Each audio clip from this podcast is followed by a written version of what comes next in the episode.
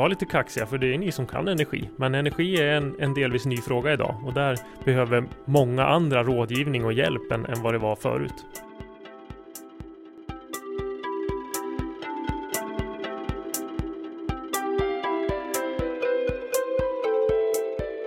Hej! Välkommen till podden Framtidskraft som idag kommer att avhandla ett av mina absoluta favoritämnen.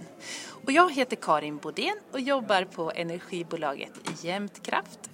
Och jag heter Daniel Löfstedt.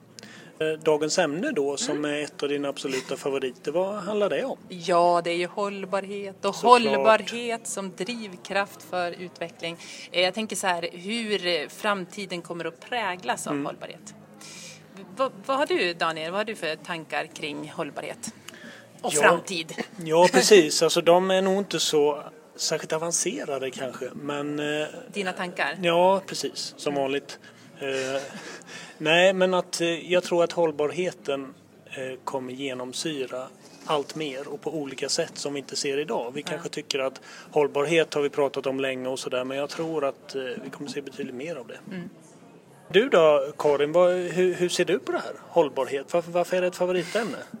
Oh, var ska jag börja någonstans? Men alltså, eh, hållbarhet för mig är en oerhört stark drivkraft. Det är liksom grunden för mitt engagemang i energifrågorna. Och så är det egentligen anledningen till att jag jobbar i energibranschen. För det är ju en fantastisk möjlighet energibranschen har just nu att göra skillnad för våra barn och barnbarn och vilken värld som de ja, kommer att leva i ja, framöver. Det låter stort. Ja, det är det. Mm, det är det stort är det. och det får det vara stort. Mm, mm. Och faktiskt, jag kan berätta, jag var med och startade Sveriges första miljöriksdag för unga och det var inte, det var inte i fjol utan det tror jag var 1989 om jag inte minns fel. Jag tror att jag var 14 år då eller någonting. Mm. mm. Oj. Ja, Så jag, jag grundar där. Ja. Jag kan inte säga att jag har samma um, grund som du kring det här utan jag, jag skulle vilja veta betydligt mer om hållbarhet. Jag, är, jag, jag, vill, jag vill djupare. Ja, och det ska vi. Vi släpper fram dagens gäst för är det någon som är väldigt grundad i de här frågorna eh, så är det just den gäst vi har idag. Andreas Gyllenhammar heter jag och eh, jobbar som hållbarhetschef på Sweco som är ett stort eh, konsultbolag. Eh, jag är uppvuxen här i Jämtland men har bott i Uppsala eh, lång tid av mitt liv och eh, utbildat mig till forskare. Så i grunden är jag miljöforskare, civilingenjör. Jobbar nu med omvärldsbevakning, mycket affärsutveckling. Ansvarar för det på Sweco när det gäller våra tjänster och, hållbarhet. Så är jag mycket internationellt och föreläser och är representant på de här FN-toppmötena om hållbar utveckling och klimat och är med och försöker driva den agendan. Det var väl i korthet. Vad brinner du för Andreas? Ja, lite fick du svaret i, i presentationen där. Jag, jag, brinner för framtiden och hållbar utveckling och hur och försöka maximera mitt bidrag till det under den här tiden man har på, på jorden. Eh, och att jag brinner av att hjälpa företag att, att förstå det här och så att de kan liksom framtidssäkra sig. Det är lite så vi pratar om hållbar utveckling idag. Ett sätt för företag att se till att man är relevant i framtiden också. Och då blir ju min följdfråga här, jag kommer ju från energibranschen. Hur mm. tycker du att energibranschen ligger till just i det då? Energibranschen befinner sig i en, en jätteomvälvande fas just nu. Så jag, jag, känner av någon form av kaos ändå kring de här nya spelreglerna, vad digitaliseringen, vad klimatfrågan gör med, med hela branschen. Så det, det är en, en, spännande tid mm. eh, och spelreglerna ritas om som sagt. Jag, jag ser att det är många som satsar på innovation för att försöka vara relevanta för framtiden också. Men det är, hela branschen är i en stor omställning. Mm. Och just när det kommer till hållbarhetsfrågorna då, mm. medvetenheten i branschen, hur skulle du bedöma den? Ja, den, den är, är, på växande fot men kan nog bli mer. Jag tycker fortfarande många blandar ihop förnybar energi och hållbarhet och hållbarhet är, har ju en helt annan komplexitet tycker jag.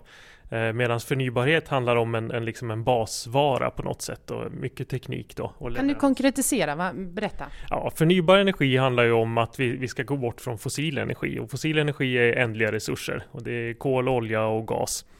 Eh, men även eh, vissa delar av bioenergi har ju fossila inslag och sådär. Eh, men det är den enkla biten. När vi pratar hållbar energi, då handlar det om att vi ska ha energisystem och lösningar som funkar för framtiden, som inte tär på, på gränserna. Och vi pratar också då om sociala frågor som kommer in i det där. Hur kan vi leverera energi på ett, ett rättvist sätt? Hur kan den här omställningen göras så att inte vissa människor hamnar utanför och hur planerar man energisystem på ett sätt som gör att alla aktörer är med? Det är, det är en mycket svårare fråga än att bara prata förnybart. Mm. Och där någonstans gör du då en, ser du att branschen eh, har lite olika förhållningssätt till de frågorna eller? Ja, det tycker jag att man har. Och eh, det som vi ser på, som energibolag kanske kommer att vara en annan typ av bolag i framtiden.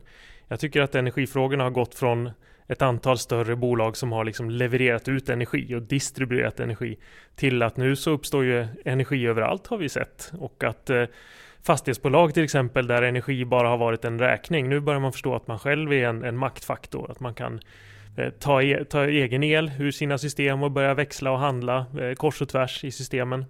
Hur då? Hur tar man egen el ur systemen? Ja, till exempel fastighetsbolag som har många fastigheter, de har börjat eh, producera solel som de smäller upp på taken och då är de ju intresserade av att se hur de kan i, i vissa lägen kanske sälja det där till andra. Kan man växla det mellan fastigheter? Får man det? Eh, hur, hur kan man tjäna pengar på att man har ett antal ytor som kan eh, där det kan göras energi helt enkelt? Det är nya frågor som inte fanns förut där man såg att energi var något man handlade och försökte få så billigt som möjligt. Jag har ju bett dig komma till den här podden Framtidskraft för att prata om hållbarhet och om framtiden och självklart också hur vi kommer att nyttja energi i framtiden. Och jag tänker att det hänger ganska tätt ihop det här med hållbarhet och energi. Mm, hur tänker du? Det gör det absolut. Eh, energi är en av liksom, stommarna i hållbar utveckling. Det är också, vi har ju ett nytt ramverk. Jag kallar det fortfarande för nytt för det är inte så många som känner till det, de globala målen som FN-systemet gav till, till alla världens länder här. Eh, hållbar energi är ett av målen separat, men det ingår också i, i väldigt många av de andra 17 målen. Och framförallt när det kommer till hållbara städer och samhällen och klimatmålet som ju är överordnat idag när man pratar hållbar utveckling. Kan man säga att hållbarhet är en gammal samhällstrend? Ja, jag har funderat på det lite och det kan man ju lura sig tro ibland för det går lite i vågor så. Och jag har ju jobbat med hållbar utveckling i, i, hela mitt yrkesverksamma liv. Men ser man det samhällsutvecklingsmässigt så tycker jag att det inte är en gammal trend. Det var ju först på mitten av 80-talet som det här dök upp. Och då var det en, en global fråga som man tänkte att det här är våra institutioner som ska ta hand om det här. Eh, sen bara tio år tillbaka så har det blivit en näringslivsfråga och eh, att det har kommit upp så högt strategiskt på allas bord som det har gjort idag. och det är fortfarande helt nytt. Jag ser att många har riggat sina organisationer, satt mål och strategier men att implementera hållbar utveckling är ju fortfarande väldigt nytt. Mm. Eh, tror du att det kommer att växa sig starkare då nu när näringslivet också har tagit sig an den? Ja, det tror jag det gör. I och med att det har blivit en konkurrensfördel så finns det helt andra drivkrafter än att bara ta ansvar som man pratade om förut. Grunden i Brundtlandkommissionen var ju mycket vi ska ta ansvar för en utveckling. Nu börjar det bli den som är först kan tjäna pengar på det här och gör man hållbar utveckling smart så är det ett sätt att differentiera sig, att ta mer betalt för sina produkter och tjänster och, och att locka till sig unga som vill jobba på, på den typen av företag. Så att, ja, där ser jag ju en helt annan fart än vad det gör om man bara ska lagstifta sig till hållbar utveckling. Mm. Men att kunna tjäna pengar kommer ju utifrån någonting. Vad är drivkrafterna bakom hållbarhet? Det är ju den här insikten om att eh, vi får en, en bättre fungerande planet om vi drar mot hållbar utveckling. Och att det är det vi har kommit överens om globalt sett. Alla länder har skrivit på det där, att de här 17 målen ska vi försöka nå till 2030. Och 2030 är ju med samhällsutvecklingsmått med en, det är ju nu, det är mm. jättesnart. Mm. Så det är därför det är som fart nu. Mm. Och där resonerar många företag kring att om, om jag ska vara relevant i en sån värld då, om det blir så att vi tar oss mot den, måste jag se över vad jag håller på med och hur jag kan bidra till det. För ju mer samhällsnytta man då skapar, desto mer relevant är du och desto bättre är du riggat som företag. Så det, det är så tankarna går hos mina kunder när jag är, är rådgivare. Mm. Nu har ju du tillsammans med nio kollegor inom samhällsutveckling tittat i eran kristallkula hur Sverige kommer att se ut om 30 år. Eh, vad såg ni? Ja, det där var ett jätteroligt projekt som vi fick av en, en forskningsstiftelse som heter Rickertska för att titta på om man spolar lite längre fram då, vi, vi som är omvärldsanalytiker tittar ju ofta på fem års sikt kanske, det, det, är relevant för företag. Men om vi, om vi tar ett längre tidsperspektiv, och då valde vi 30 år där. Eh, vad ser vi då? Och då kan man väl säga att det finns ett antal större trender som gör nu att vi är ganska positiva till den utvecklingen. Eh, vi hade ju en eh, diskussion inledningsvis om, om just klimatfrågan och, och orosmolnen som finns i världen om, om vi ska liksom Eh, titta djupare mm. i det. Men mm. vi, vi sa att om vi undviker ett antal dikeskörningar, för det blir inte så intressant att göra en, en, en dystopisk eh, framtidsstudie till. Det finns gott om de rapporterna. Utan vi sa, vad är egentligen möjligt med de trender vi ser nu? Mm. Och där såg vi att Sverige om 30 år är en ganska behaglig plats att leva på. Vi tror att eh, framtiden ser ljus ut helt enkelt. Men vilka trender var det ni identifierade? Ja, det, hållbar utveckling ligger som ett övergripande mål, men sen har vi cirkulär ekonomi som är en väldigt stark trend just nu och som kanske löser den största utmaningen att hur får vi liksom marknadsekonomin att funka och tillväxt att funka eh, i, i, en, i en framtid. Och har man en cirkulär ekonomi där vi, där vi cirkulerar resurserna runt, runt så kan vi ha en tillväxt och vi kan ha en god samhällsutveckling utan att tära på planetens resurser. Så den är ju stark. Och sen är det en enorm teknikutveckling kring energi och eh, transporter, grön mobilitet tittar vi mycket på. Men även värderingsmässigt skiljer det sig åt mot för idag. Vi hade ju med en ungdom i den här eh, expertpanelen, så mitt bland alla teknikexperter så satte vi en, en ung tjej som fick representera framtida generationerna då. Och det var väldigt mycket intressant som kom fram ur hennes eh, medverkan då. Hon att säga en trumf att lägga upp. Så fort en expert sa någonting så sa hon, fast det där kommer inte vara viktigt för oss, så vill inte vi ha det. Mm. Eh, och hon fick styra diskussionerna på det sättet. Mm. Och eh, en av sakerna som hon bidrog med till insikt var ju att eh, det här med peak prestation, alltså vi kommer inte vara riktigt lika intresserade av att jobba så hårt som vi har gjort nu. Och vi tror att digitaliseringen faktiskt möjliggör det, att vi mm. kan jobba mindre och få mer livskvalitet på det viset. Ni har målat upp två scenarier. Skulle vi berätta om det första? Ja. Hur, ser, hur ser Sverige ut då? Vad blir det år 2049 då? Ja, precis. Eller? Det blir det. Vi, vi ser att det, det, här spelar ut ganska mycket i hur vi organiserar oss. Eh, det underliggande trenderna är lika, men det skulle kunna vara så att i det ena scenariot så fortsätter mycket av de trenderna vi ser idag mot urbanisering. Vi flyttar in till storstäderna. Det är en tre, fyra, fem stora städer i Sverige som har vuxit på bekostnad av, av resten. Eh, helt enkelt därför att vi kan optimera så mycket då. Det blir väldigt effektivt samhälle. Eh, det finns också mycket i de stora städerna av kvaliteter som folk vill ha i, i kulturell mångfald och, och sådär. Eh, det kallar vi för det urgala samhället, det blandning av urbant och globalt där digitaliseringen ändå möjliggör att vi kan eh, åka mycket internationellt fast virtuellt. Eh, men det andra som jag tycker kanske... Vänta, vad sa du nu? Åka mycket internationellt fast virtuellt? Fast vi är kvar. Alltså vi är internationella varelser men vi bor i en stadsdel i Stockholm till exempel, mm. på Södermalm. Men vi känner oss ändå som, som världsmedborgare för vi får till oss kultur och annat virtuellt då. Mm. Och där vi är väldigt uppkopplade och kommunicerar väldigt hårt mot andra delar av världen. Då. Men jag, jag tycker den andra scenariot är kanske det mest spännande därför det handlar om en att vi bryter lite på den väg vi är mot nu och får en återetablering av landsbygden. Något som jag inte har sett så mycket tidigare att man har, har spått då. Mm. Men vi ser att det kan vara helt möjligt med samma underliggande trender. Med tanke på att vi idag kan ta till oss utbildning och annat digitalt så skulle man också kunna tänka sig att det, vi får ett mycket mer resilient samhälle, alltså motståndskraftigt mot förändringar, om vi organiserar upp oss i små noder och hubbar runt hela Sverige. Mm. Det, det, är ett väldigt motståndskraftigt samhälle. Det är svårt att slå ut ett sådant samhälle där man bor som internet om du tänker. Att du, äh, små byar då? Ja, små byar som då eh, har en, en, en hubb. Om du tänker en, en samlingsplats där du också kan ta del Folkets av... hus? Ett, ett modernt Folkets hus kan man säga.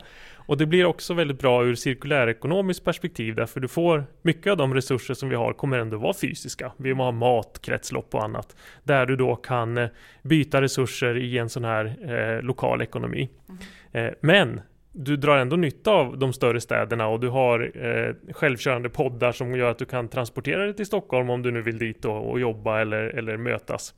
Eh, men ändå kan ha ditt liv ute på landsbygden. Mm. Så det där såg experterna då som två olika vägval. Mm. Eh, det som skiljer dem åt är väl att det här lokala perspektivet kräver en form av statlig intervention till en viss del. Någon måste så att säga etablera en sån här hubb för att det ska vara attraktivt att flytta ut på landsbygden. Då.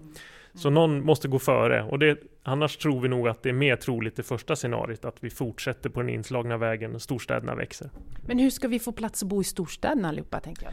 Ja, den trend som vi ser idag som vi tror kommer fortsätta handlar mycket om förtätning. Alltså städerna, eh, vi har egentligen ganska gott om yta i städerna, man tror inte det, men där kommer effektiviseringen att göra att eh, kontorslokaler kommer att nyttjas mycket mer effektivt. Vi bor på mindre yta. Alltså dagens eh, ungdomar då är ju inte intresserade av att ha stora volymer, stora garage där de har prylar, utan det där kommer vi att dela i en delningsekonomi och därför behöver vi inte lika stor yta. Ser ju idag till och med att i Stockholm så, så bor man ihop i, i någon slags moderna kollektiv, 50-60 pers på en, eh, en ganska liten yta. Så att det, de trenderna kommer nog att fortsätta. Mm. Vad betyder det för, om jag tittar på ur energifrågan då, vad mm. betyder de olika scenarierna för eh, energifrågan? Energi, eh, man kan tycka idag att det är en komplex eh, bransch, men den kommer nog bli ännu mer komplex i och med att det uppstår energi eh, överallt i de här systemen eh, som vi kommer att ta tillvara på. Så det handlar om att knyta ihop alla delar i sådana här system då för att hitta vart har vi energi, vart kan vi lagra energi, eh, hur kan vi växla det emellan. Eh, och eh, jag tror till exempel att transportsektorn idag, som ju har lite grann sitt eget energisystem, kommer att smälta ihop med eh, fastigheter och annat. Hur då? Man... Jo, i och med elektrifieringen som är en av de starkaste mobilitetstrenderna idag, så får vi in eh, bilar som ett helt nytt sätt att energilagra. Och det här kan vara väldigt viktigt för att få de här effektproblematiken att gå runt i en lokal ekonomi. Vi, vi kan smeta ut toppar med alla de här elbilarna helt enkelt. Alltså det är härliga bilder ni målar upp. Eh, att man inte till exempel vill jobba så mycket, mer tid för frihet och sånt. Det, vilket, vilket av scenarierna föredrar du själv? Vilket skulle du vilja leva i? Jag kan tänka mig att leva i båda. Jag tycker båda verkar spännande, men det finns någonting i den här lokala varianten som, som är väldigt lockande. Att du ändå har naturen runt hörnet som för mig är, är viktig. Att man kan faktiskt eh, koppla ner sig ibland och gå ut och, och eh, påta lite grann och, och sporta och, och friluftssidan av det mm. som, är, som lockar mig personligen. Mm. Men även om jag, jag, ser också den här kulturella mångfalden i storstäder som skulle vara extremt tilltalande. Mm. Eh, jag tror att eh, det vi har sett då kring automatisering där man säger att eh, en stor del av, av jobben som vi har idag riskerar att, att försvinna och även ganska välbetalda jobb ändå öppnar upp då för den här möjligheten att producera samma mängd välfärd för en mindre så att säga, arbetsinsats. Eh, vi pratar ganska mycket om medborgarlön för att fördela det här. Vi tror att det måste till någon form av sån lösning för att inte haka av en del av, av eh, mänskligheten i den moderna världen. Då. Men gör man det och väljer det så blir det ju helt enkelt så att man kan få mycket mer tid över till annat än att bara eh, jobba. Mm. Men nu, nu har ni fokuserat och bara bortsett från det här klimathotet så som du sa här inledningsvis. Eh, men vilka ändå är de största utmaningarna för att nå de här samhällena, de här härliga samhällena? Nej, men så är det väl. Vi, vi tror att klimatfrågan kommer att, att hanteras. Eh, vi har inte bortsett den så, men vi har bortsett från dikeskörningen och säger att vi, vi kommer att kunna klara av det. Och de här scenarierna som vi målar upp är ju hållbara i den meningen att de inte har så stor klimatpåverkan. Då. Eh, jag tror de största utmaningarna är övergången till det här. Det är så jag känner nu. Att eh, vi, vi, kan lätt se att vi får ihop de här scenarierna med den teknik och de trender vi har. Men hur får vi övergången till dem att fungera? Mm. Det är en spännande diskussion tycker jag. För vi ska ändå ta oss från en ganska ohållbar situation nu. Och vi vet att det finns väldigt mycket trögheter inbyggda i samhällsutveckling idag. Vilka, vad tänker du på då när du säger så? Ja, ett ord som jag använder ofta är infrastrukturella lock-in-effekter. Det vill säga att de valen som vi gör idag kommer vi att få leva med ganska mycket. Vi lägger vi vattenledningar idag så är de avskrivna på 30, 40, 50 års tid. Bygger vi en väg så, så har vi den där vägen där. Fastigheter lika så. Vi, vi, väljer alltså idag lite grann hur framtiden kommer att se ut. Mm. Och det betyder att ska vi nå det här inom 30 år så är det redan nu vi måste börja designa för det. Det är en av de stora utmaningarna. Vi kan liksom inte om 15 år säga att vi ska göra sådär om, om 30 år, utan det måste påbörja nu. Vad skulle energibranschen kunna göra för att bidra till den här övergången för att det ska gå fortare? Kanske har det någonting med självbilden hos energibolagen att göra också. Att eh, man eh, går från att ha varit den här distributören och, och producenten till att vara en en, ett, ett kitt mellan all energi som finns i samhället idag. Så kan jag tänka ibland att eh, eh, i och med att eh, det handlar om ett system idag där det behövs kompetens för att förstå all interaktion så finns det inte riktigt någon sån spelare idag som går in och, och rådger liksom samhällsutvecklingen på det sättet. Så där skulle jag kunna se att energibolagen kan kliva in och vara lite mer aktiva och säga att vi kan energi. Mm. Vi kan faktiskt bidra med mer än att bara eh, skruva på, på fjärrvärmeproduktion och, och, annat. Utan man går in just när, när, när eh, på infrastruktursidan nu när vi säger att alla ska ladda sina bilar. Ja, men där finns det en stor möjlighet att effektfrågan eh, mm. komma in där och, och jag tycker det som Jämtkraft gör i Åre med Engenic är ett, ett jättebra initiativ för att visa att ja, men vi kanske kan hjälpa till att reglera ute hos fastighetsägarna. Man går liksom utanför sin låda lite grann och tittar på vart behövs det energikompetens och var, vart är energi en stor fråga nu helt plötsligt. Så vi behöver lite omdefiniera oss själva och ta större plats alltså? Ja, det tycker jag. Mm. Var lite kaxiga, för det är ni som kan energi. Men energi är en, en delvis ny fråga idag och där behöver många andra rådgivning och hjälp än, än vad det var förut. Du är ju inte bara hållbarhetschef för Sweco utan också elkund. Vad vill du ha av ditt energibolag? Ja, det där är en bra fråga. Givetvis vill man ha att det ska funka. Så, så är det ju. Det finns en sån här basen sådär. Bas, och det är viktigt. Men det, det, känns som att de flesta har städat undan nu. Det kan man ju. Du får ställa lite högre krav. Ja, Vad vill du för att vi ska vara attraktiva i dina ögon? Ja, jag har alltid gjort aktiva val och, och krävt att få eh, miljösäker el. Liksom, att det ska vara höga prestanda på det. Och det kommer jag ju fortsätta att göra. Eh, sen skulle jag också vilja att man kanske tog kontakt med mig och sa ja vi har sett att du har det här huset och de här eh, eh, den här eh, behovet av el och det är nog lite mycket för ditt typ av hus. Kan vi inte få komma och se om vi kan, vi kan sänka dina energikostnader med 25% om vi får in och skruva lite. Det skulle vara intressant för det är sånt som man som kund inte har riktigt tid med, inte har kompetens att förstå. Och det är svårt att, så att säga, googla sig till en bra energilösning för sin egen, mm. eh, sitt eget hus. Så där skulle det vara kul om Jämtkraft faktiskt plingar på och sa, vad, vad tror du om det här? Så lite proaktivitet. Ja. Men det handlar också om tillit. Eh, vilken, har du, vilken aktör tror du att eh, du som kund kommer att ha tillit till i de frågorna? Många vill in på energibranschen, tänker jag. Så är det, och det, det är svårt. Eh, det är inte säkert att det är just Jämtkraft man skulle vända sig till då, om det kom någon annan som hann före och, och, och visade på det.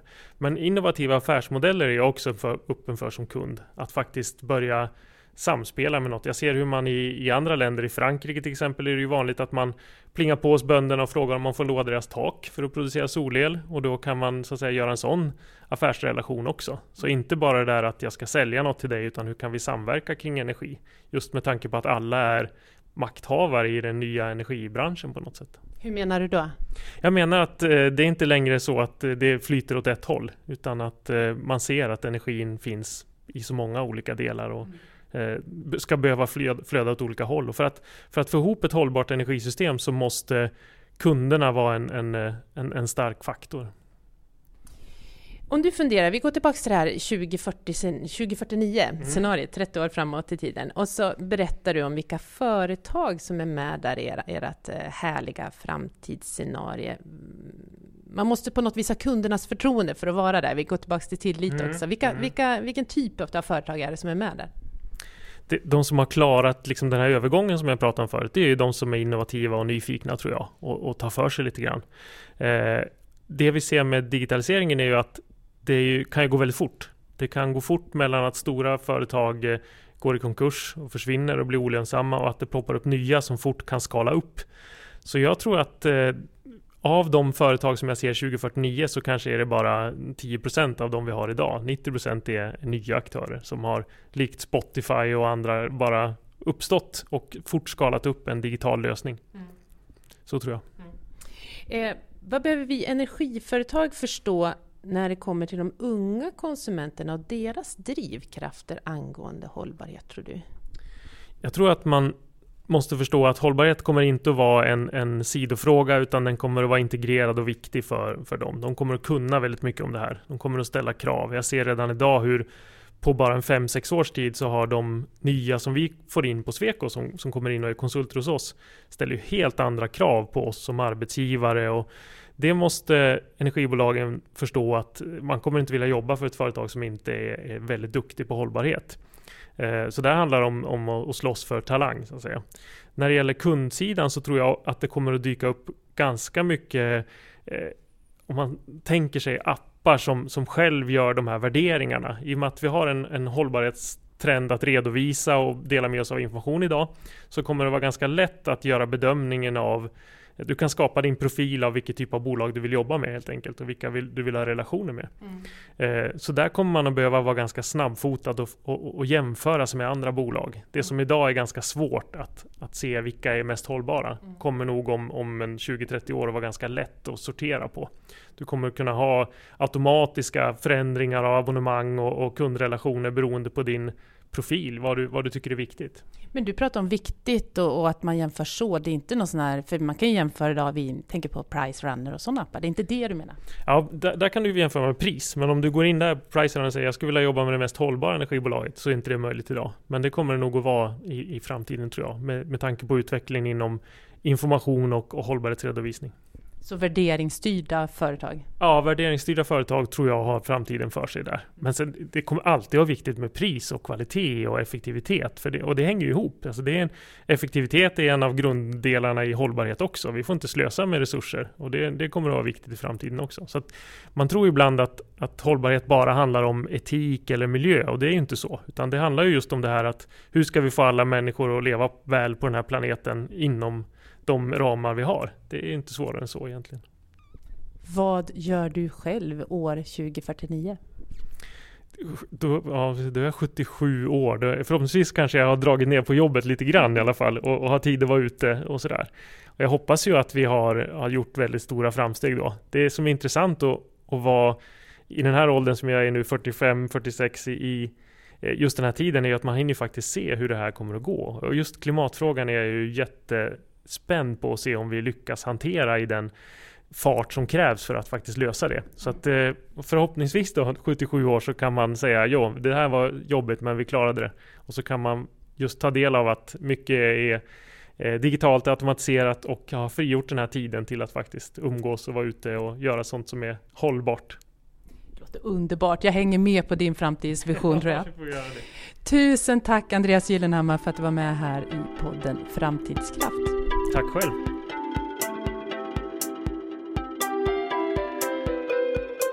Så långt Andreas Gyllenhammar. Eh, vad säger du då Daniel? Har du bättre koll nu? Definitivt. Här eh, lyssnade vi ju på en som eh, vet vad han pratar om mm. när det gäller hållbarhet. Det var väldigt eh, kunskapsgivande måste jag säga. Och jag tycker det här med, som han beskriver, skillnaden mellan hållbart och förnybart, att det är en viktig distinktion. För att mm. ibland kan jag få för mig att eh, det här förnybart blir lite för mycket likhetstecken med hållbart och så är det ju inte riktigt. Nej, man tror att man är hållbar bara för att man erbjuder förnybart. Ja, precis. Ja. Mm. Och det är så mycket bredare, så mycket djupare och så mycket mer helt enkelt. Ja, precis. Och jag tror att många, många som verkar i, i vår bransch förstår att hållbarhet är viktigt men de begriper inte hur otroligt mycket mer viktigt det kommer att bli om bara ett par år. Mm. Eh, jag har läst en del, försökt hitta lite grann eh, insikter om framtidens konsumenter och så har jag läst lite rapporter och sånt där. Bland annat en från ICA. Mm. De har gjort en intressant rapport. Och där framkommer att konsumenterna som kommer nu om ett par år, mm. de, de nöjer sig inte med att bara vara klimatneutrala utan de vill vara klimat och samhällspositiva. Mm. Det ska alltså vara plus på sista raden där. Så företag som inte lever upp till det och är eh, transparenta och ansvarstagande, de kommer man inte att vilja handla från alls i framtiden. Nej. Så det är precis som du säger, hållbarhetsfrågan den är bred och den är djup. Och så handlar det om att företagen måste förstå att de ska ge tillbaka till det samhälle som de finns i, där de verkar mm. själva. Mm. Mm. Så, så hållbarhetsutvecklingen ligger mycket i kundens makt? Ja, det gör det. Och det måste vi ta till oss på riktigt nu, verkligen. Mm. Mm. Ja, men det känns väl positivt va? Det tycker jag absolut. Ja. Mot en ljus framtid. Så här säger vi tack så oerhört mycket Andreas Gyllenhammar för att du var med och gav del av dina insikter och tack till dig som lyssnat. Hej då! Hej då!